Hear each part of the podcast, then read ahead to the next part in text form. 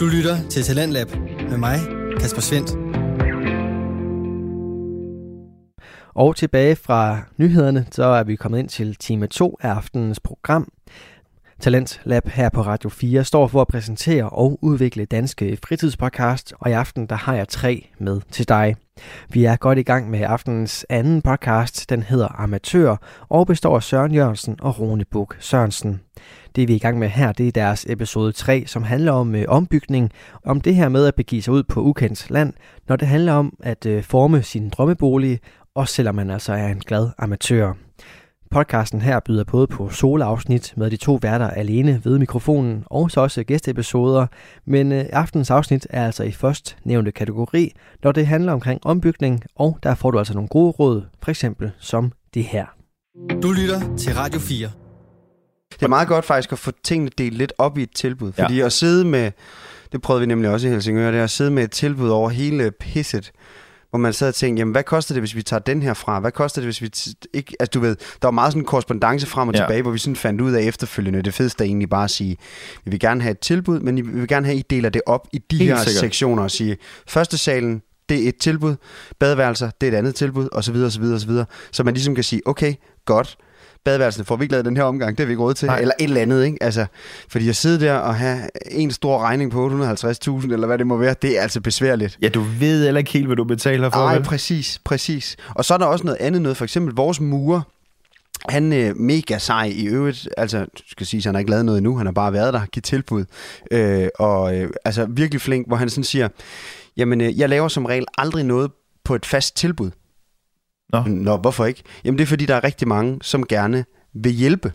Og hvis man, altså, som hjælper ham med at slæve sten, eller øh, blande mørtel, eller Nå. smide ud, eller andet, så bliver det billigere.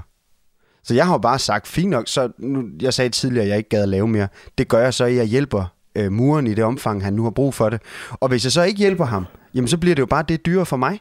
Så det, og, og, men han har selvfølgelig givet et tilbud, der siger, at det bliver maks det her beløb. Okay, Ikke? okay, for det tænker jeg på. Ja, så hvis han selv skal gøre det, uden jeg hjælper, så er det det her beløb. Men hvis jeg hjælper, så bliver det bare billigere.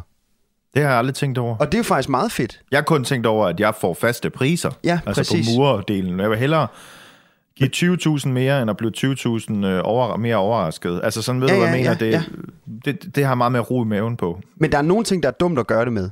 For eksempel med isætning af vinduer. Fordi hvad nu, hvis de rammer et eller andet, de ikke vidste, de ramte? Så er det fedt at have et fast tilbud, ikke? Nå, jo, jo, jo. Altså, jeg tror, du mener når omvendt. første salen, den falder ned nu. Ups. altså, Helt klart. så er det meget godt at have et fast tilbud. Ja, ja, også fordi, at, at, at de skal bare øh, fikse det. Ja, så isætning af vinduer. Jeg er ligeglad med, om der ryger noget ned, så må vi fikse Ja, så det. må jo fikse det. Det er jo ikke mit ja. problem. Og der vil jo altid være, jeg tror faktisk i de tilbud, jeg har fået fra, fra, fra tømmeren af, et fast tilbud på alt det der. Der står også nede i bunden et eller andet sted. Og jeg tror faktisk, det er noget, de skal skrive. Ej, det ved jeg ikke. Det er også lige meget. Men at, at der tages forbehold. Altså, Ja. ja. tilbud tages forbehold for, at øh, der ikke kommer et eller andet fuldstændig vanvittigt øh, i vejen for det øh, projekt, vi skal lave. Ikke? Altså, det vil sige, hvis de kommer derud, og de taber en hammer, og hele gulvet, det ryger 12 meter ned i undergrunden, så er det måske ikke deres projekt alligevel. Så kan det godt være, at det er min forsikring, der... Altså, forstår du, hvad jeg mener? Ja, ja, ja, Sådan et eller andet. Man, men hvis de saver et vandrør over, fordi de bare saver ind i væggen, uden at tænke over det, så er det jo, så er det jo deres problem. Så må de jo sørge for at få lavet det vandrør, ikke? Ja. Altså, Men altså, hvad er ligesom første spadestik? ja, hvad er det? Det er svært. Ja. Men du har et godt bud. Og før det, Søren, Ja. så har jeg lige noget ude i køleskabet. Ja. Det er meget spændende. Det er fordi, nu skal vi snakke.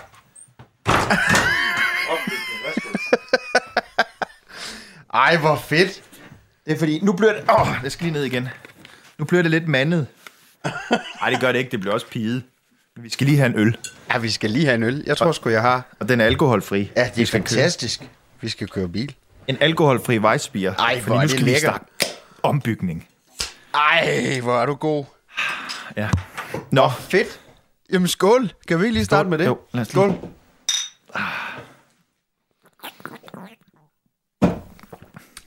dem Ej, hvor er jeg de fandme gode. fået mange gange i Tyskland på motorcykeltur. Ej, hvor er de gode. Tip.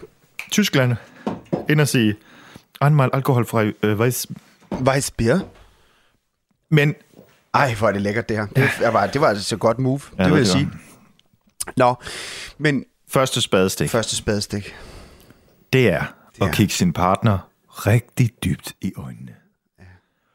Og så sige, er vi enige om det her? Ja, Fordi selvfølgelig er man enige om drømmen, men drømmen skal også blive til virkelighed. ikke sikkert, man, er- man er helt øh, med på, hvad det kræver, det her.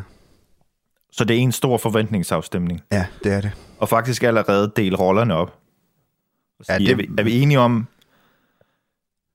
For os var det sådan, ja, jeg kommer til at stå for det hele. Ja, ja, Sofie havde det sådan, jamen jeg vil også være med til at bygge mit barndomshjem om. ja. Ja, ja, det skal du nok. Og, Ja, og jeg havde faktisk egentlig forventet flere konflikter, end, end vi har haft, men, hvilket er ret positivt. Men det er virkelig vigtigt at snakke om, hvor står vi henne? Er du klar på at tage ungerne, altså en lørdag og en søndag, og er det det, det, det, det, det? ja. Altså, men det der hele tiden, man skal huske på, og som man også skal sige til hinanden til at starte med, det er, at det kun er en periode, Ja, og vi begge to vil jo gerne det her. ja, Så det kommer jo til at ende godt. ja, Eventyret ender godt, og det bliver hårdt, men det ender godt. ja. Jamen, det er godt. Hvad har I snak, hvad snakkede I om? Jamen, Ikke noget. Skide godt. nej, altså jo, det gjorde vi jo selvfølgelig, men, men jeg tror, altså vi fandt jo, vi fandt jo nok altså, hurtigt ud af, jeg, jeg, er I'm, I'm the doer, I'm the maker. Altså, Ja. og, og det, vidste, det vidste vi jo begge to godt. Altså, Troels er, er kontordul, og, og, og sidder på et kontor og har altid gjort det. Og, og har, er ikke særlig praktisk anlagt. Troede jeg. Indtil at jeg kom hjem en dag, så havde han malet og ordnet gulve og bygget hele kælderen om. Var sådan, what? Hvad har du lavet? Jeg var 14 dage op og spille uh, revy, hvor jeg var væk. Jeg var slet ikke hjemme. Og så Nej. på de 14 dage, der havde han lavet... Vi havde sådan en lille kælderlejlighed. Han lavet hele den om. Nå, og jeg sejt. tænkte, wow, wow, hvor fedt. Men han kan ingenting, når jeg er der. Nej, okay. Men han er rigtig god til det, når jeg ikke er der. Men det var jo sådan noget, det fandt vi jo først ud af, men som han sagde, det vidste jeg jo heller ikke, jeg kunne. Nej, nej. Eller sådan, så, så på den måde, men, men vi har ikke børn. Vi havde to katte, har to katte. Så der var ikke sådan den der hensynstagen, hvad skal man sige, sådan på den måde til hinanden. At til, altså, selvfølgelig var der, vi skulle på arbejde hver dag, sådan var det. Øh, og så måtte vi jo nå det, vi nu kunne i weekenden. Og jeg har helt sikkert mere energi, end Troels har. Så vi har ikke sådan siddet og ligesom... Jo, vi har snakket om, at det bliver hårdt det her, at vi skal leve byggestøv, ikke? Men vi har hele tiden, fordi vi havde det store hus, mulighed for at flytte ned i den lejlighed, vi havde i kælderen for Ja. eksempel. Så vi kunne bygge og, og larme og rode op ovenpå. Altså Ja. det var virkelig, virkelig guld værd. Det er ligesom os. Vi har ja. Et helt rent annex, som, Ja. hvor vi har vores dagligdag. Og så Præcis. har vi lort over på den anden side. Lige Hvor nøjagtigt. vi laver pølser og går i bad. Ja, Godt nok. ja, Men- ja, men altså, det er også over i lortehuset, ja. så det er jo fint. Og, og lige nu bor vi i sommerhuset i den her periode, mens vi bygger om på campingpladsen. Og det er også mega godt, fordi vi har snakket tit om, hvis vi skulle have boet i det her, hvor fanden skulle vi have været henne? Altså selvfølgelig ja. har vi 11 hytter på campingpladsen, vi kunne oh. have lejet og, han har sagt, have, have bosat os i. Men der er jo mange, der bor i det. Starter Jamen, med at bo i stuen, Ja. og det en anden. Der ligger et hus ikke så langt fra os, hvor de her, altså det er vanvittigt flot, skal lige siges. Det er et bindingsværkshus, som de har bygget fuldstændig op fra bunden. Hver en egetræsbjælke er skiftet ud. Altså alt. Hvert et strå, selvfølgelig et nyt, øh, hvad hedder sådan noget, stråtag af by. Er skiftet. Men du ved, men de har boet i to skurvogne og en campingvogn, ikke? altså, Respekt. jeg- Jeg, har sygeste Ja. respekt for sådan nogle mennesker. vi gjorde, jeg boede, vi, det gjorde vi også, da jeg var barn. Altså, vi boede Ja. også i en campingvogn, og så havde vi et annex også, men det var simpelthen så mega utæt, så der blev der kun lavet mad, og så sad Ja. vi ellers nede i campingvognen, og det var vinter, og ej, det, jeg fatter slet ikke, vi kunne. Og hvad var vi? Fire børn hjemme, og altså, det var fuldstændig og fuldtidsarbejde og Ja. bygge om. Der må altså være nogen, der har kigget hinanden dybt i øjnene. Altså, nu tænker jeg, min mor stedfar ikke har sagt, Jo, det er det. Nå, men tror du også, det er noget med... Det kommer ind på, hvor lang tid man har været sammen. Man Ja. kender jo godt i forvejen lidt hinandens roller. ja, Hvem er det, der gør det, og hvem er det, der gør det? ja, Øhm, men jeg tænker på dem, der måske lige er, har været sammen i to år, og altså, jo, ved man, det er godt, at man ved, at Thomas, han bare er så god til at arbejde hele tiden, men ja, så finder man mås- måske ud af nogle andre sider, at han faktisk er sindssygt dårlig til at komme op i weekenderne. Han har Ja. gerne ud og drikke bajer om lørdagen og sådan noget. Altså, præcis. det handler også, snakket i om den der med sådan, hvad har vi så tid til? Altså, Ja. dedikerer vi vores aftener til det her? Ja. Har, vi så, altså, har vi så ikke familiemiddag om aftenen? Altså, Ja. jeg, synes, jeg, tror, jeg synes faktisk ikke, at vi har snakket om det. Det er kommet meget naturligt. Vi Ja. ja. prøver at få det ind, fordi man skal også have energi Ja. af at se nogle mennesker ved siden af. Ja, man skal også sige, Selvom det er corona. Ja, ja, det, jeg skal også sige, øh, altså nogle, nogle dage, jeg er jo ude tit på Ja. location, ja. så kan jeg komme hjem, være tre dage i Herning, og så køre hjem og være hjemme klokken 7 om aftenen, og så går jeg over i huset, Ja. står, går i seng klokken 12, står op klokken 6 for at køre til Herning. Ja. Det kan du holde til en vis periode. Ja, ja. Altså, Nogle mennesker kan holde til det i en vis periode. Ja, ja. Altså, der vil også være dem, der bare havde lagt sig på sofaen, hvilket jo også vil være fair nok. Ja. Altså. Men, men, men havde, havde I snakket om sådan noget? Altså sådan, Nej, nu skal du også... Nej. Nej, men, men, men til gengæld havde vi jo, fordi vi ikke havde lånt penge til at bygge om, så havde vi ikke et pres, for, altså forstået på den måde, at vi skulle ikke levere over for kreditforeningen Nej. Inden for, er det to år, man har til Ja, det? du har to år til at bygge om, ja. Så, man, så der kan jeg godt forstå, at I... Altså, jeg kan også godt forstå, hvis man gerne bare vil være færdig. Altså, når man ikke har et rigtigt sted at bo. Jeg ved godt, I, I bor i Annexet, og det er mega hyggeligt, og de har gjort det mega hyggeligt, altså. Ja, ja. Men, men der er jo ikke badeværelse. Nej, det er røv og nøgler. Jamen, det er det. Så, så jeg kan godt forstå, I glæder jer, og det gør man jo altid, glæder sig til at komme over i det nye og alt det der. Men, men også, at man har behovet for det, fordi der er jo forskel på at glæde sig til en rejse, kontra at have behov for at komme på ferie. Forstår du, hvad jeg mener? Helt klart. Altså, hvor vi snakkede slet ikke om, at nu var vi i gang, så det skal jo bare være færdigt så hurtigt som muligt. Det var det, vi snakkede om. Men vi var der både ude at spise og på Fyn, og hvor det lignede lort. Altså, du ved, Det skal man gøre. ja, det tror jeg er mega vigtigt. Altså, jeg, jeg synes, det andet er farligt. Ja, det og tror nu jeg har vi også. snakket om Lasse mange gange i det her program. ja. Han kan fortælle en helt sindssyg historie Ja, det er rigtigt. om, hvordan de har gjort med ombygningen, Ja, hvor det virkelig ikke har været noget fritid. Ikke? Ja. Men det må også være en presball, hvis man bor i en lejlighed. Altså, ja. Ja. vi snakkede om i sidste afsnit, det der med at have købe et hus og have dispositionsret og sådan noget. At hvis man kun har en måneds dispositionsret til at skal bygge et helt hus om, så er du jo helt fucked. Det, altså, du ved, det kan du jo ikke Ja, nå. nej, nej, det ved man jo det er godt. Så, så det er jo også, altså, man kan jo være heldig at sige, at vi, vi, vi overtager allerede nu, og så kan vi gå og bygge om et halvt år, indtil vi skal flytte ind, for eksempel. Ja. Ja. Alt efter, hvad man forhandler om, ikke? Og så har man jo lidt mere tid til at nå noget, måske. Ja. Men, Men det er bare ikke alle, der kan det. Det er det ikke. Og noget, jeg tit har tænkt på, som man skal slappe af med, Ja. det er at have en drøm om netop, hvornår det skal være færdigt. At man skal nå at holde jul i år. Eller lille Maltes fødselsdag skal vi nå at holde i huset. For prøv at høre, du skal ikke pisse afsted til sidst og gå på kompromis med en- masse ting, Nej. fordi du vil holde jul i dit hus. Nej. Altså, vil du give mig ret i det? Jo, jo, det vil jeg til en vis grænse, fordi det er selvfølgelig fedt. Men det er rigtigt nok, man har bare en tendens til at blive så vanvittigt skuffet, hvis ikke det nås. nås Ja. ikke? Altså, Så det er og der er også- jo altid et alternativ til en jul, eller til ja. Maltes fødselsdag, eller til whatever. Altså, Det, det skal man snakke om. Ja, Sådan, ja. ja, ja det, altså, Sofie, hun kan også nu, det er både med priser og ønsker, hvad hun har til huset, sådan noget, men det er sgu også med deadline. Så, så, så kan hun i dag sidde til, Nå, så kommer de der og støber gulv, så er det jo januar, februar, marts, april, maj. Så kan vi jo godt hen i maj være færdige. Sådan, stop. Ja. Nu har jeg sagt, øh, efter sommerferien Ja. er vi forhåbentlig færdige. Ja. Lad os nu bare være glade for, hvis vi flytter ind i maj. Ja, Helt ja. sygt, hvis Ja, vi ja. flytter ind i maj. Ja, ja, præcis. Vi er i januar nu. Ja. Men, men det der med sådan, have nu lige en realistisk... Lad være med at skuffe dig selv. Ja. Lad være med... Fordi det er sådan en... Det er bare sådan dum en at, at, at, at, at skulle... Hvorfor, hvorfor skal du pisse rundt, hvis du rent faktisk har det okay lige nu? ja. Jeg har sgu ikke et surt øh, liv i, en, i, i det der next der, altså, men jeg vil da gerne bare noget bedre. Men Ja, det ja. kommer en dag. Det kommer, og det er lige foran dig jo. Altså, det er så irriterende, det der med at skal være afhængig af, at nogen bliver færdig og tid og sådan noget. Men det snakker vi jo meget mere om også, altså i forhold til håndværker. Ja, det er, jamen, det Altså- er da nok det mest deprimerende. Ja, det er, faktisk, det er faktisk også det, der kan vælte, synes jeg, nogle gange vores... Altså nu er det ikke en særlig stor ombygning, og det tager ikke særlig lang tid hos os. Men alligevel, jeg kan da godt mærke, at nu har vores elektrikere brugt rigtig lang tid på at montere et, vores lille bit hus, ikke?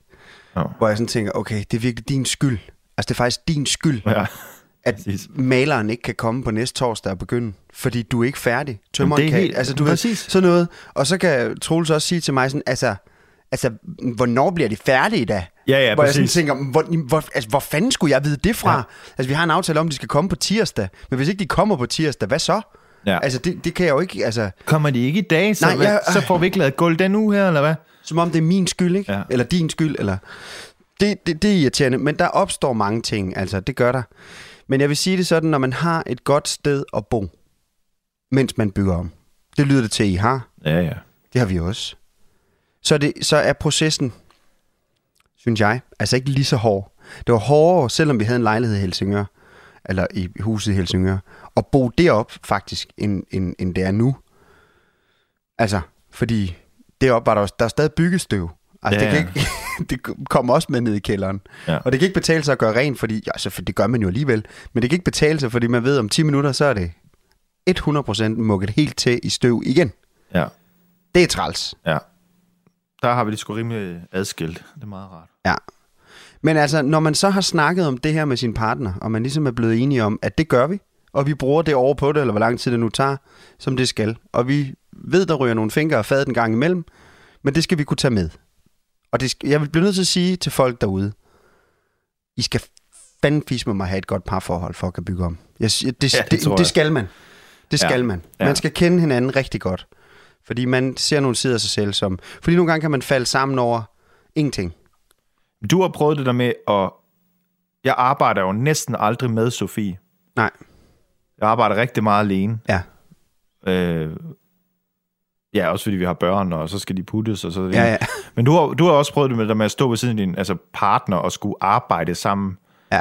Er det ikke også noget, der bare, det kan bare crashe fuldstændig lige Oh, pludselig? det, kan, altså, det kan slet ikke lade sig. Vi kan slet ikke være praktiske sammen. Nej. Og det kan slet ikke lade sig gøre. Men tror du ikke, det er for nogen, for nogen er det måske sådan, ej, det, det er fedt. Jeg kan godt forstå, hvis man er ny, altså, ny hvis man- parforhold, og man bare går ind i det her sammen, og mand og kone, og de står og... Altså, jeg synes, det er imponerende, når jeg ser nybyggerne, for eksempel. Ja. Jeg synes, det er imponerende, at de kan holde hinanden ude. Ja. Altså, Troels og jeg, vi har masser af idéer, når vi sidder og ser sådan noget. Åh, oh, det kunne være fedt. Ej, hvad nu hvis man... Men vi vil aldrig nogensinde, og jeg gentager, aldrig nogensinde kunne gøre det samme. Nej. Aldrig. Nej, det vil jeg heller ikke. Det kunne ikke lade sig gøre. Og det er ikke fordi, at han er dum, eller jeg er dum, eller... Men vi, vi, vi, det, det, vi, vi er hinandens... Altså, du ved, to magneter, der ikke gider hænge Ja. sammen. Altså, det er sådan, det fungerer, når vi arbejder sammen, når vi er praktiske. Du lytter til Radio 4. Vi er i gang med aftenens andet podcast afsnit her i Talent Lab. Det er programmet på Radio 4, der giver dig mulighed for at høre nogle af Danmarks bedste fritidspodcast. Det er podcast, der kan underholde, informere og måske endda inspirere dig. Det kan podcasten Amatør i hvert fald. Den består af Søren Jørgensen og Rune Buk Sørensen, som deler ud af gode råd og hårde erfaringer, især når den står på store projekter med en partner.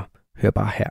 Sofie og jeg, hvis vi skal rykke en kommode Ej, to meter, så, Så så er jeg ved at flå hendes indvold ud igennem munden på ja, hende. Ja, Jeg blev ved, at hun er i gang med at, at planlægge alle mulige morforsøg på mig. ja. Vi Jamen, bliver det så det rasende på hinanden inden Ja. for 10 sekunder. Jamen, det er det samme her. Men, det, men, det, men samme. stadigvæk så kører det hele. Altså, vi har, jeg ved ikke, hvordan det fungerer. Nej, det ved jeg heller ikke. Det, det er fandme også sjovt. men det er måske, sådan. fordi man kender hinanden. Så, ja. Ja, ja. Eller man måske tænker, kan du godt se, at når du skal løfte i den der, Ja. så skal du løfte i det håndtag, der er, for eksempel. Ja. Og det kræver måske, at du skal bukke dig lige 3 cm mere. Men hvis du nu gjorde det, så kunne vi bære den hele vejen ud til bilen. Ja. Og ikke, altså et eller andet, Og ikke? så samtidig gider jeg ikke ikke at høre på, at den er tung. Nej. Fordi jeg synes også, den er tung. Den er tung. Den er tung, men den skal flyttes. Jamen, det, ej, det er rigtigt. For Nå. Helvede, hvor det irriterende. Troels har det også meget mere, at skal pege. Altså, så, og, og han har sådan en mega irriterende måde at tage. Så har jeg revet et helt hus ned, og nået, altså, flere uger frem i virkeligheden, end man havde håbet på, ikke? Så kommer han over, og så siger han, Og hvad har han lavet i mellemtiden? han har måske lavet to opslag på Facebook, eller sådan Nå, noget okay. marketing sådan noget. Sofie har Eller- set ni sæsoner af Great Verden. Ja, men det kunne Troels også sagtens have spillet ja. 17 baner af Command Conquer, altså. Ja. Øh, og så øh, kommer han over, og så siger han, øh, er du ikke nået længere? Hvor man sådan tænker, noget læ- Du aner ja. ikke. Skal du ikke hjem men, igen? Men, men det er godt. Det er da godt, du er nået, det var. Altså, du ved. Sådan, ja. hvor jeg sådan, du skal få en omvendt ordstilling. Du skal komme over og sige, ej, hvor fedt, du er nået så langt, skat. Ja. Øh, hvor, skal hvor meget mere skal der laves? Eller den der, Altså- altså, Nå, når det skulle være sådan, okay. Ja. Ja, det, det er sådan. Jamen, det er kan... det sådan, skal de sidde sådan der? Ja, øj. Ja. Har du set YouTube-filmen omkring det måske? Har Nej. du snakket med tømmeren omkring det? Jeg tror, du skulle også begynde at kloge sig på en forskalning op. Altså, hvor jeg, nej, nej. Men, men der kender man jo sin... hvad skal man sige, grænser eller begrænsninger eller sine partner, og, og man ved jo bare, at sådan er det. Og man tilgiver jo altid, og, og det er derfor, jeg mener, man skal have et godt parforhold, for man skal kunne tilgive og Ja. ja. sige, ja, det var fint, det var godt, tak skal du have. Ja. Hvad så med øh, det første spadestik? Ja. Du får nøglerne. Ja. Du har pengene til at bygge om. Og man har kigget hinanden i øjnene og snakket om alt det her. Hvad gør man så? Hvad er det første, hvad, hvad, gjorde, hvad var det første, du gjorde? Sådan helt fysiske første, du gjorde? Da du Der- vidste, nu skal vi i gang. Vi havde lige boet tre måneder med min svigermor. Ja. Hun boede i det hovedhus, og vi boede i Nexet. Ja. Da hun så flyttede ud, vi havde flyttet for hende. Jeg husker, jeg stod i det der hus der.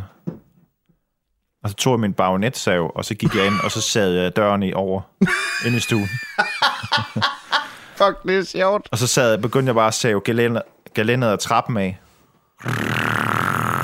Hele vejen op. Nej, hvor er det Så sjovt. det vidste jeg, jeg skulle have af, fordi Ja, ja, så skulle jeg bære plader op og sådan noget. Nej, hvor er det sjovt. Ja. Nå, men det, Det var det er første spadestik. Ja. Men så begyndte jeg jo, det var så en sommerferie. Jeg havde taget en uges ekstra ferie, hvor Ja. ungerne var i institution, og jeg kunne være helt alene. Ja. Og havde bestilt den lækre container, man kunne fylde alt mm, i. Og så rev jeg køkken, gipsvægge, altså jeg rev alt fra hinanden. Ja, Og var ved at skide i bukserne samtidig. Ja. Fordi at jeg troede, altså, når man ikke ved noget om hus, så tror man bare, man hiver det søm ud, så falder, helt så går lortet. strømmen. Ja, ja, ja, ja. Eller et eller andet. Ja, Det har han så også gjort nogle gange. Jeg for to uger siden lige klippet et kraftkabel over. Jeg ikke troede, der var strøm i. Ja, ikke? det er fandme så farligt. heldigvis havde jeg købt en meget god øh, tang. Men, ja, sådan noget, fuck. Ja. Og, og, du kommer til at brække vandrør. Altså, jeg, øh, to dage inden, så stod det ud med vand for køkkenvasken. Blev at ringe til din far, som så er VVS, og skulle komme og... Stik kraft, det er bare noget, der lige skal lappes, du. øh, Så, det startede, jeg startede med at rive det hele ned, og, og, og det gør man bare på eller med fornuft, altså, Ja. eller med sådan, hvad hedder det, ens intuition, ens, øh, hvad hedder sådan, det her, det er nok sådan, man gør. ja, Og så finder du ud, altså helt ærligt, Ja. det her med nedrivning, ja, det er en kæmpe læreproces. ja, Fordi helt du vildt. lærer, når du flækker den gipsplade af ja. skillevæggen, ja, så kan du se opbygningen på en gipsvæg. ja. Hvis du har haft håndværker til at gøre det hele, Ja, så, så har du ikke set, vidst. hvordan et Nej, er gulv er blevet lagt, Nej, det er rigtigt. hvordan et loft har ligget, hvordan det ene og det andet. Du kan ikke se de gamle insta- installationer. Eller det, altså, Nej. det er så fedt. Ja, ja, det er rigtigt. Det er rigtigt. Og jeg er ikke blevet overrasket på den måde. Så mit, mit første spadestik var at rive hele pisset ned. Ja. Ja, det er jo så også det rigtige. Det har været værd, hvis du begyndte at bygge op. Jo. Ikke? Når tingene skulle rives ned. Nå. jeg, jeg har regnet ud, at jeg en mand har selv slæbt øh, cirka 5 tons væk. Ja, fantastisk. Ja. Så jeg, det, er- det er lidt syret at tænke Ej, på. er det godt. Ja. Ej, gud, det, det, det, ved jeg faktisk slet ikke. Men det var fordi, jeg fik opgørelsen fra containeren. Ja, det var selvfølgelig. 3,7 ton. Ja, Og så har jeg regnet ud efterfølgende, har gulve, mursten, altså det må være cirka 5 tons i ja, forhold ja, til det. ja. Ej, hvor, hvor sjovt egentlig. Ja, ja. Jeg har heller ikke fået regningen endnu for den container, jeg har haft stående, så det bliver egentlig meget spændende at se, hvor meget der er i den. se. Hvad gjorde I i Helsingør? Jamen- Jeres var jo, det var en ombygning, men det var også en, forstå mig ret, påbygning. Altså det var en opshining. Ja, der I, var I skrællede jo ikke hele huset Nej, ud indvendigt. Nej, det var der slet ingen grund til. Altså, der var jo fandme ikke noget tilstandsrapport. Altså, den, det, huset fejlede jo ikke noget overhovedet. Så der var bare nogle ting, der var fuldstændig dumt at begynde at rode i. Altså, men noget, vi vidste, vi skulle gøre, det var, der var sådan en gyselig rød farve overalt. Kan du huske det? Var det, det Både var ikke, ikke engang sådan svensk rød, eller hvad var det? Nej, det var sådan... Jamen, jeg kan ikke Jo, få... det kan jeg godt huske. Ja, vinduerne. over vinduerne. Ja, ja. Alle vinduerne var røde, Ja. og dørene var røde nede i kælderen. Altså, du ved, det var bare... Ej, hvor var det var virkelig, undskyld mig, virkelig grimt. Ikke? Ja, ja. Øhm, og det vidste vi jo godt, vi skulle have lavet om. Øhm, men det første, vi gjorde, det var, vi havde sådan et lille bit køkken, og det skulle være et stort rum op deroppe ved, ved. Men det første, vi så gjorde, det var, at vi en eller anden dag, hvor vi faktisk havde en spiseaftale om aftenen, så fandt jeg ud af, gud, væggen, den er sgu da bygget op. Efter, Nå. øh, at øh, tag, eller loftet var sat på. Så jeg kunne jo bare lige tage en lille hammer, og så hamrede jeg bare lige bum på en sten. Det var et gasbetonshus, ikke? Og du var bange for, at den var bærende? Nej, ikke lige den væg. Nej, okay. Dog, det var sådan ved en brændeovn, sådan halvvæg-agtig. Så tænkte jeg, ej, jeg banker lige. Hov, den kom ned. Ej, hvor nemt, så tog jeg den næste. Og lige pludselig så havde vi kraften væltet to væg, fordi det tog jo 10 minutter. Vi var bum, bombesmadret, da vi kom til den der middag der, hvor ja, Ja, vi drak os 100% ned. Åh, det være fedt. Ja, det var mega fedt. Det var Ja. virkelig fedt, ikke? Og så slæbte vi alt det lort ud, og så skulle det jo køres på, på losseren. Dengang havde vi ikke tænkt over at skulle have en, en øh, hvad hedder det, Det er der mange, der ikke tænker en container. Ja. Ja, jeg ved ikke, hvorfor jeg ikke... Jo, jeg tror faktisk, jeg undersøgte men det var vanvittigt dyrt. Måske det er derfra egentlig. Det kan godt... Nå, det er også lige meget. Men, øh, men, øh, men så må vi jo slæve alt det lort ud, og hold kæft, det var tungt. Nej, ja. hvor var det tungt. Men, men det var det første, vi gjorde. Det var sådan... Så smadrede vi det ned. Ja. Altså, det skulle bare ned. Men også noget med, så står man der og kigger, og vi kigger, hvis, hvis vi ikke skulle have brændeovn. Ja. Står man der som, hvad fanden får man sådan en af? Ja. Og så, ja. så prøver man at rive lidt fra hinanden. Og sådan. Ja. Det er, men det er også kæmpe tilfredshedsfornemmelse, øh, at du bare, fuck den her trapper, man fuck der køkken Ja, her, mand. ja. Ej, hvor er det fedt. Ja. Jeg kan huske, der skulle flå det der køkken fra hinanden, bare sådan, hvordan afmonterer jeg det? Det ved jeg ikke. Nej, jeg saver bare igennem det her. Skal du se min store mugger, så skal jeg med, Ja. ja. nok smager det væk. Jamen, det er rigtigt. Jeg, havde, jeg, jeg gjorde det fuldstændig på samme måde. Altså, det var bare... Der var det vildeste... Altså, nogle gange kan jeg godt fortryde lidt den måde, vi så valgte at bygge det op på det hus, men det er så lige meget. Men, men der, for det var nogle ting, jeg egentlig godt gad at have bevaret. Jeg synes jo, det køkken, sådan set i bagspejlet, der var...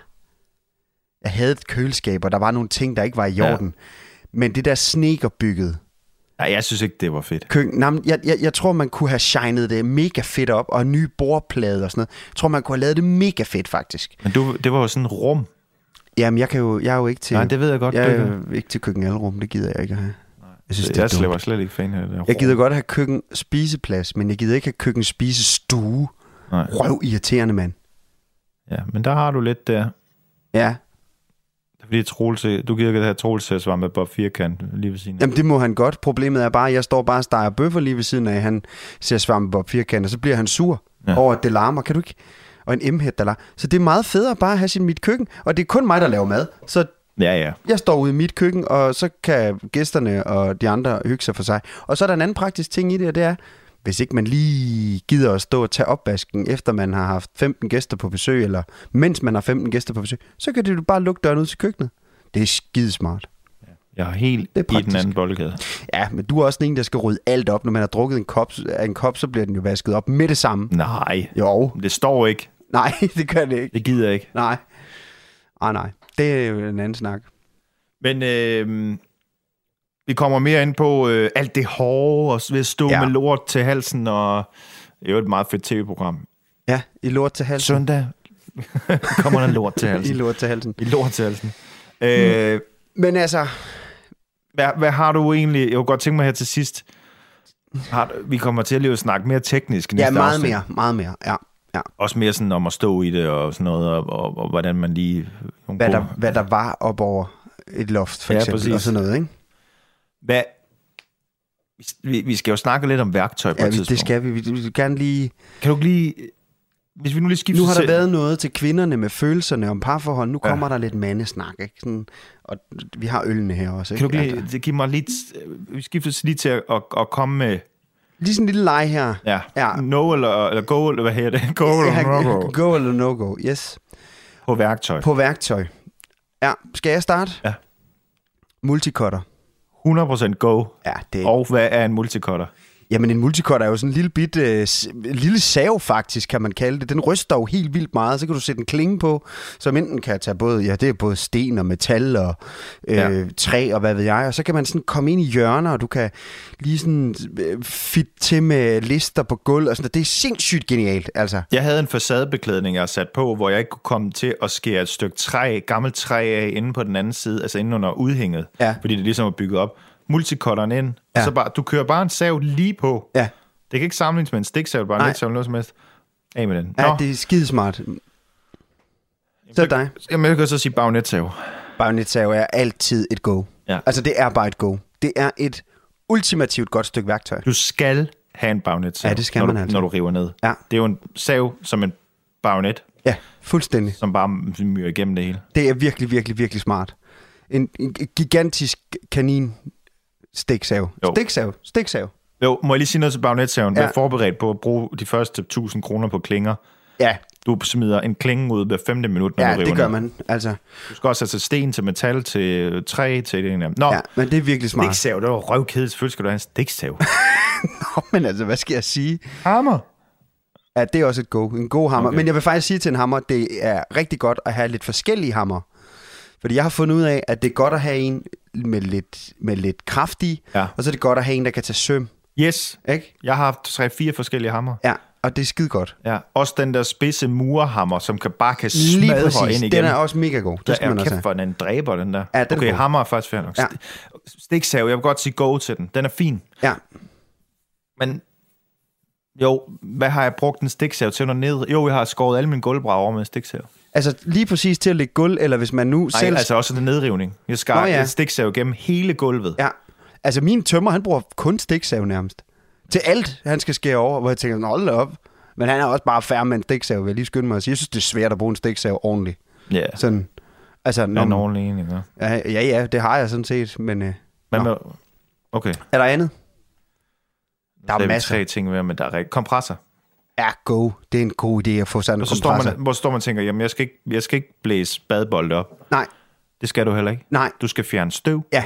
Du skal købe... Jeg har lige købt en mejsel til min kompressor, så jeg kan fjerne fliser. Åh, oh, fedt. Her det skal jeg da også have. Den er så f- 129. Ej, det skal jeg også have. Det er Verdens fedeste ting. Ja. Og øh, du, du kan... Hvad hedder det? Sømpistol. Ja, det var der lærte mig sømpistol. det. Ja, en sømpistol. Fantastisk. Der er også... Øh, hæfte klar til kompressor. Ja, ja, ja, præcis. Men der er også noget som en, en malerspray og sådan noget, man kan Ja, ja, ja, ja, ja. putte på og lige få, ikke til loft og væg og sådan noget, men hvis man har et eller andet, der lige skal males sådan hurtigt, en låge eller sådan noget. Ja. Mega smart. Ja. Jamen, der, er, prøv, der er masser Ja, af ja, ja. værktøjer. Vi kunne snakke herfra og til, til, til, til jul. Øh, men alligevel bliver jeg nødt til bare lige at sige, hvis jeg må, ja, ja. én ting. Sidste. Sidste. En bundsliber. En gang, en gang til. En bundsliber. Det har jeg fandme ikke. Jeg har troet, jeg havde alt. Skal jeg have sådan en? Nej. Altså en bundsliber er rigtig god, hvis man skal lave nye, altså øh, renovere gamle ting. Fordi du kan jo fjerne lak fra en lakeret dør, for eksempel. Hvis nu man skulle hen og male gamle, flotte f- Ja, ja, døre ja, med ja. fyldninger ud, ikke? så kunne man bundslibe det. Det er sådan en, det er en, en vanvittig slibemaskine. Altså, den tager alt jo. Altså, det er Altså, fuldstændig det... vanvittigt. Den kratter alt af. Er det ikke bare et, som et hjul, bare med sandpapir? Jo, jo, præcis. Og så, brrr, så kører den der. Altså, jeg er, jeg elsker Ej, for jeg har excentersliber, jeg har details, detailsliber, jeg har slibhoved til min multicutter, Ja, ja, helt ja. ja. men jeg har fandme ingen båndsliber. Nej, det skal du... Jeg skal ikke slibe noget. Nej, men øh, det er altså en god ting. Nå, men altså, vi kommer mere ind på værktøj, hvad man altså, er en god idé at starte op med Ja. ja. næste gang og næste afsnit, og vi kommer ind på, som Søren siger, hvad der måske gemmer sig inde bag facaden, sådan en hus der, og øh, Og husk lige at klikke ind på vores øh, Facebook. Ikke? jo,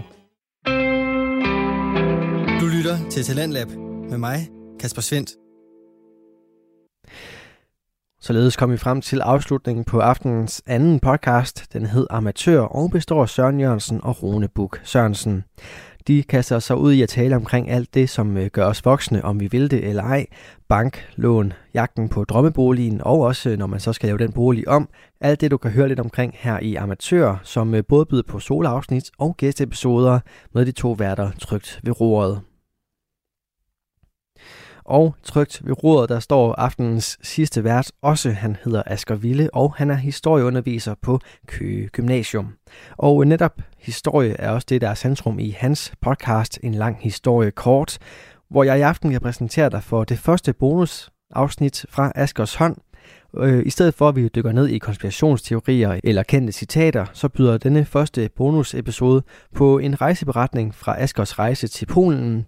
Det er selvfølgelig stadig med udgangspunkt i fortiden, og øh, det må man sige, at Polen har en del af. Især når det kommer til byen Treblinka, som øh, Asker befinder sig i her i afsnittet. Den bærer på en øh, grum fortid, som øh, vi desværre kan lære meget af. Hør med her. Velkommen til en lang historie kort. Du undrer dig måske over, at du ikke har hørt den vanlige intro, men det er der en god grund til. Dette afsnit er nemlig et bonusafsnit. Som du ved fra det sidste almindelige afsnit, har jeg været i Polen på jagt efter historien. Det blev der to rejseberetninger ud af, og jeg har fået fire henvendelser, der alle har bedt mig indtale rejseberetningerne som særafsnit. Den første af dem skal du høre nu men jeg er nødt til at give dig en lille advarsel. Begge rejseberetninger har en anden tone end de normale podcastafsnit. De er en anden gren af den måde, jeg forsøger at lave historie på. Og vigtigst af alt indeholder de enkelte udpenslede og grusomme beretninger fra nazisternes jødeudryddelse i Polen under 2. verdenskrig. Hvis du ikke har lyst til at høre den slags, skal du måske overveje at springe dette afsnit over. Med den advarsel på plads, er det tid til at gå i gang. Treblinka maler der vinteren ind i sommerens hjerte. Rejseberetning fra Polen, efteråret 2021 ved Asger Ville. En torsdag formiddag, mens september går på held, står jeg i en lille landsby cirka 100 km øst fra Warszawa, mens regnen stille falder på min frakke. Vejret er gråt og fugtigt. Her, i det nordøstlige Polen, er landskabet sandet og domineret af fyretræer og små veje, der bugter sig gennem den ene lille by efter den anden. Der er mange landsbyer i området, og den jeg står i er ikke anderledes end alle de andre. En håndfuld huse spredt på hver side af en asfalteret vej uden synlig systematik eller fælles æstetik. Treblinka hedder den lille by. Et- og toplanshuse i grå, grønne og orange nuancer ligger side om side på en strækning, som ikke er mere end 2-300 meter lang. Hister her står en mindre lade i haven, opført i lodrette, uensartede og grånende planker, og vidner om, at fortidens landbrugssamfund ikke ligger lige så langt væk herfra, som det gør i Warszawa. Der er intet bemærkelsesværdigt ved Treblinka ved første øjekast. Det bemærkelsesværdige ved byen findes nok nærmere inde i mig selv og min fortolkning af stedet. I dag huser den lille polske landsby 350 indbyggere. Det er ikke mange flere sjæle end for 140 år siden. Men dengang, i slutningen af 1800-tallet, kom fremskridtet til området. Jernbanen, det mest avancerede transportmiddel i sin tid, skulle gå forbi Treblinka, og med den fulgte løfterne om fremtiden. Løfter om industrialiseringens lys og mørke. For med jernbanen kunne mulighederne for transport af passagerer, kvæg, varer, specialisering, kapital og modernitet trække byen med sig ind i det nye århundrede, der lå lige om hjørnet. Men i dag ser jeg på en by, der ikke huser flere mennesker, end den gjorde, dengang Polen endnu ikke fandtes som selvstændig nation.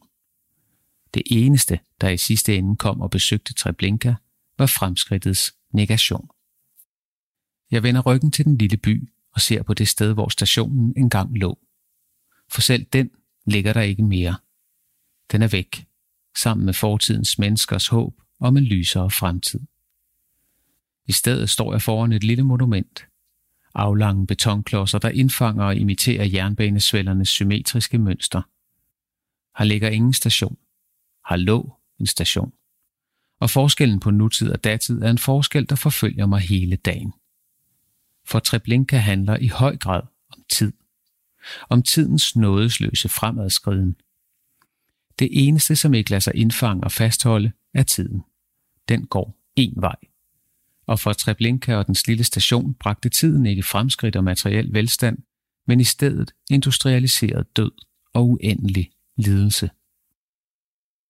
Ved den lille by Treblinka station lå det sidste stop inden udryddelseslejren Treblinka. Her stansede de lange togstammer med 60 kvægvogne fulde af mænd, kvinder og børn, inden de skulle myrdes og fjernes fra jordens overflade. Jeg begynder at græde, mens jeg står der. Jeg kan ikke lade være, og jeg ved heller ikke, hvorfor jeg skulle. Jeg er ellers en af den slags mænd, der ikke græder så let. Men mens jeg står og ser på dette lille sted, kommer tårerne. Landsbyen Treblinka var engang helvedes foregård. Den industrialiserede udslettelses venteværelse. Og her står jeg så og græder, mens det regner.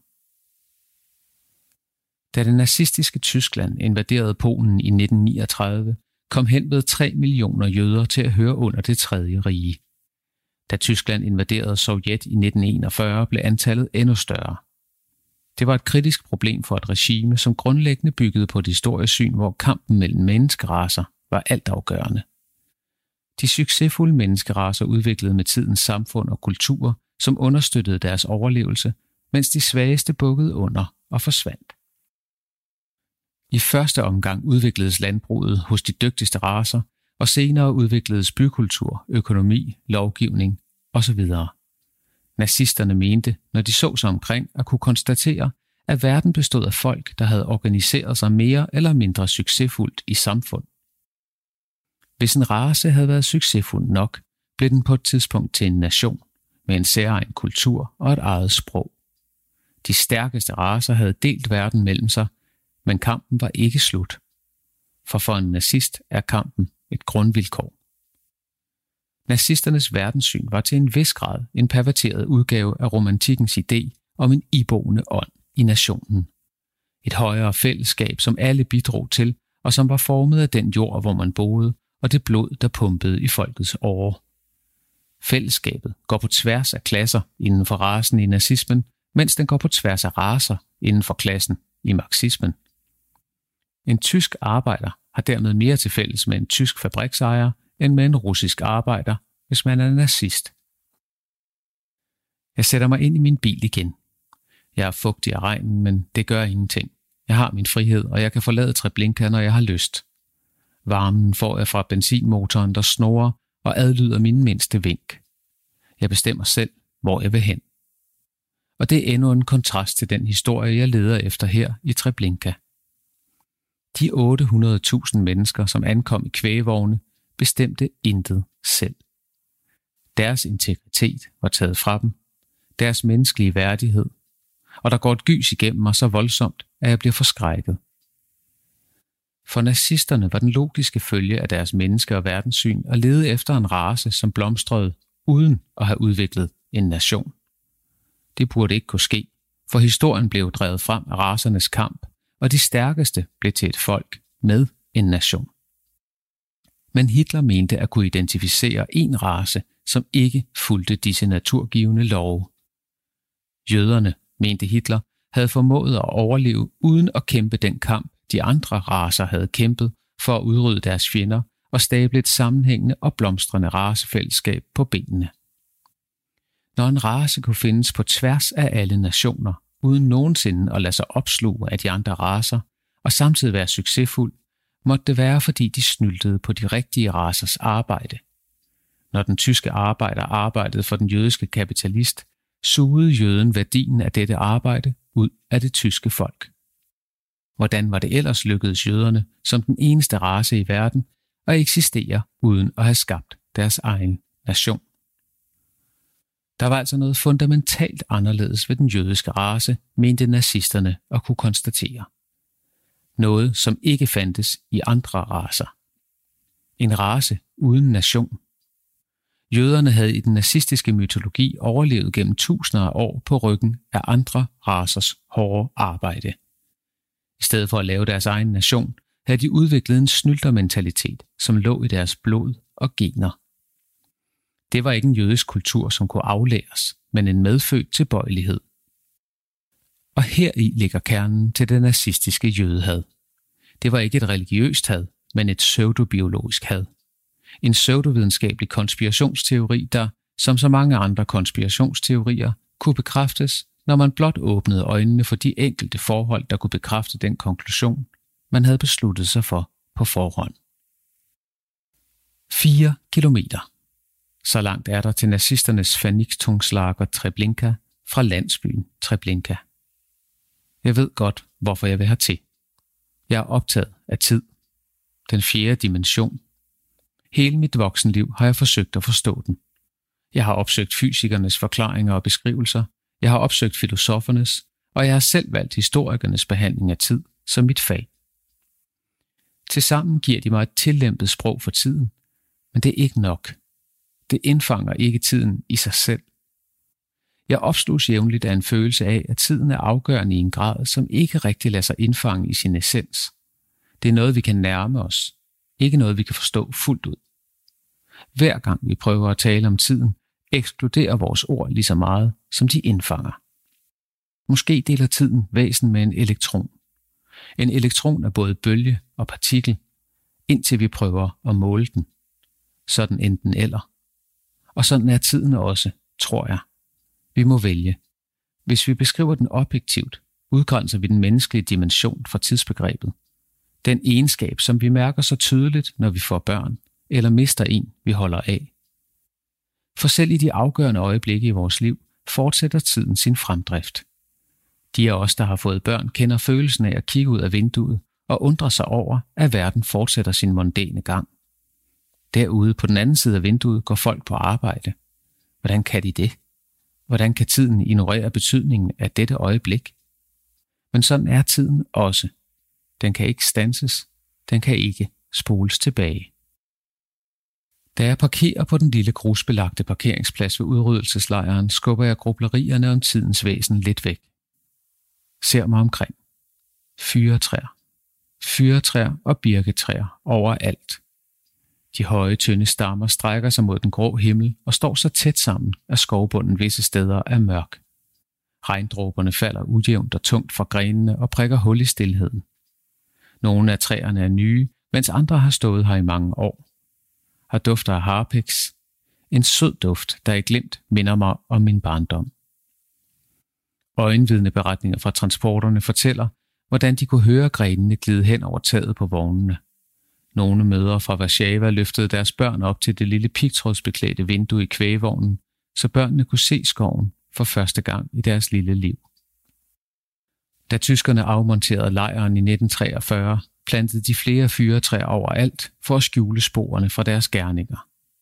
De fyretræer er siden blevet fjernet i området, hvor lejren lå, men de danner en mur på hver side af stien. Jeg ved godt, hvordan her ser ud. Jeg har set stedet så mange gange på billeder. Den jernbane, som fragtede de dødstømte mennesker til lejren, er også her markeret med rektangulære betonklodser. Det er utrolig gribende i al sin enkelhed. Svællerne leder mig langs et lille knæk hen mod området, hvor den interimistiske perron lå. Treblinka var en af i alt tre lejre fra den såkaldte Aktion Reinhardt. Belzec og Sobibor hed de andre to. I modsætning til KZ-lejrene var disse lejre små, og de havde kun ét formål. At myrde så mange jøder som muligt, uden forsinkelse. De var alle tre bygget efter nogenlunde samme grundprincip. De var ca. 400 gange 600 meter store, og ved første øjekast kunne ankomstområdet give de overlevende jøder et håb om, at de befandt sig på en togstation. Alle, der kunne gå selv, blev gennet ind på en plads med barakker på hver side. De, der var for gamle, afkræftede eller sårede til at gå selv, blev, sammen med de børn, der ikke havde nogen forældre, kørt i en lille vogn til noget, der hed lasserettet. Inden bag lazarettet var en stor massegrav, som altid brændte. Her satte man børnene på kanten og skød dem i nakken. De andre på pladsen blev delt i mænd og kvinder og fik en tale om, at de var ankommet til en transitstation og skulle videre østpå og arbejde. De skulle aflevere alle deres kufferter, men fik at vide, at det var vigtigt, at de skrev navn på, så de kunne få dem tilbage. De fik en snor, som de skulle binde deres sko sammen med, og de blev bedt om at klæde sig af i barakkerne på hver side og aflevere alle værdigenstande. Da de alle stod nøgne, skrækslagende, berøvet en hver form for medfølelse, blev mændene først gennet gennem en smal passage med grene og pigtråd på hver side, så man ikke kunne se igennem den. Det var den såkaldte slag eller tunnel, også kaldet Himmelstrasse af tyskerne. Den slog et knæk på midten og ledte direkte frem til nogle få trappetrin. Ukrainske vagter gennede folk ind i kammerne, som var cirka 8 meter lange og 4 meter brede. Kammerne blev fyldt til bristepunktet, og folk blev beordret til at løfte armene over hovedet, så der var plads til flere. Til sidst blev børn smidt ind oven på gruppen af mennesker. Dørene blev lukket, og en stor dieselmaskine blev tændt. Industrialiseringen var kommet til Treblinka. Vrangsiden af systematisk samlebåndsarbejde udgjorde kernen i lejren. Selv dieselmaskinen arbejdede uden at opfylde sit egentlige formål. Det var den spildprodukt, nazisterne brugte. Udstødningen blev lidt ind i kammerne, og efter cirka 25 minutter døde skrigene ud. Så åbnedes dørene i den anden ende, og de få jøder, som var blevet udvalgt til at arbejde i lejren, begyndte at trække offrene ud. Det var ofte svært, fordi de døde var blevet filtreret ind i hinanden i deres dødskamp. De små børn var som regel tæt omfavnet af deres mødre. De menneskelige bånd mellem børn og forældre forsvinder ikke, selvom nazisterne gjorde, hvad de kunne for at dehumanisere de jødiske ofre. Endelig drejer jeg hovedet. På pladsen står et kæmpe monument. Meter høje sten med en frise på toppen. Den forestiller sammenfiltrede kroppe med ansigter forvredne i lidelse. Når man står foran den, mærker man i glemt fortabelsen på egen krop. Følelsen af at være tvunget til at opgive sin egen selvbestemmelse. Jeg går mod højre. Hele pladsen er fuld af større og mindre sten, der står oprejst. På flere af dem står jødiske efternavne. De er alle mørke, våde af regnen. Jeg ved, hvad jeg vil. Jeg vil stå på det sted, hvor gaskammerne stod. Jeg ved, hvor det var. Jeg har undersøgt så mange kilder, som jeg har kunne finde. Til højre for monumentet, cirka 40 meter. Og nu står jeg der. Min mave knurrer sig sammen. Jeg har opsøgt tre af de fire dimensioner i vores verden. Højde, længde og bredde. Dem deler jeg med offrene. Men den sidste, tiden, kan jeg ikke dele med dem. Jeg kan ikke række ud. Jeg kan intet gøre. Tiden er den afgørende faktor. Den skiller mig ad fra dem. Og den er hele forskellen. Hvis man kunne gøre sig til herre over tiden, kunne man flytte de fortabte mennesker frem eller tilbage. Væk fra perioden mellem juli 1942 og oktober 1943. Men tidens fremadskriden er nådesløs. Jeg kommer til at tænke på de to jættekvinder i Johannes V. Jensens Kongens Fald. De maler med deres store møllesten, som hedder grotte. En søndermalende stenlyd. Som tiden kværner den uophørligt. Jættekvinden Menja synger. Og vi maler der Fimbuls mørke, askeregn, visnen. Vi maler der vinteren ind i sommerens hjerte. Vi synger der en høststorm. Vi svinger rim og frost over alt groende. Vi maler varmen ud af menneskenes sind. De vers indfanger tidens store kværn.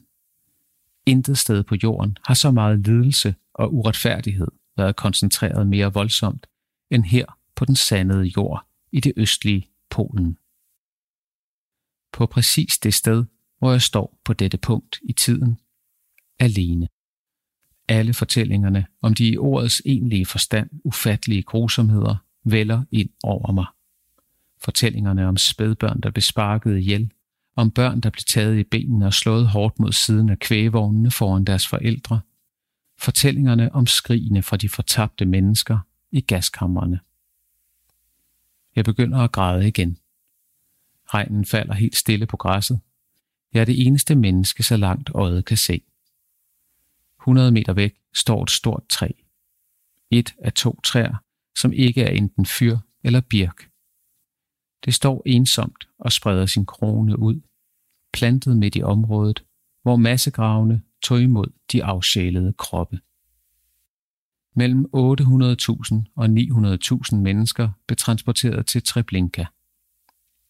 70 mennesker overlevede og slap derfra. Så godt som ingen levede mere end to timer efter ankomsten hertil. Med udryddelseslejren kom industrialiseringen til Treblinka. En lille, velorganiseret fabrik, der producerede døde kroppe.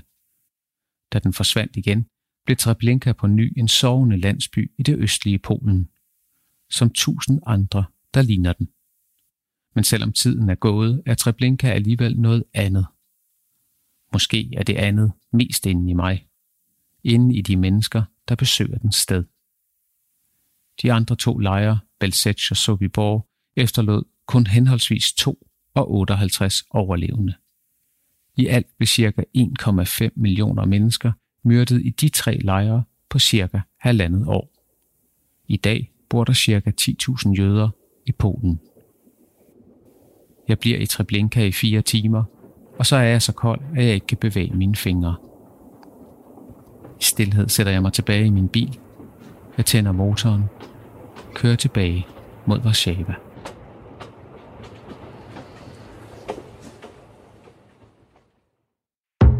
Radio 4 taler med Danmark.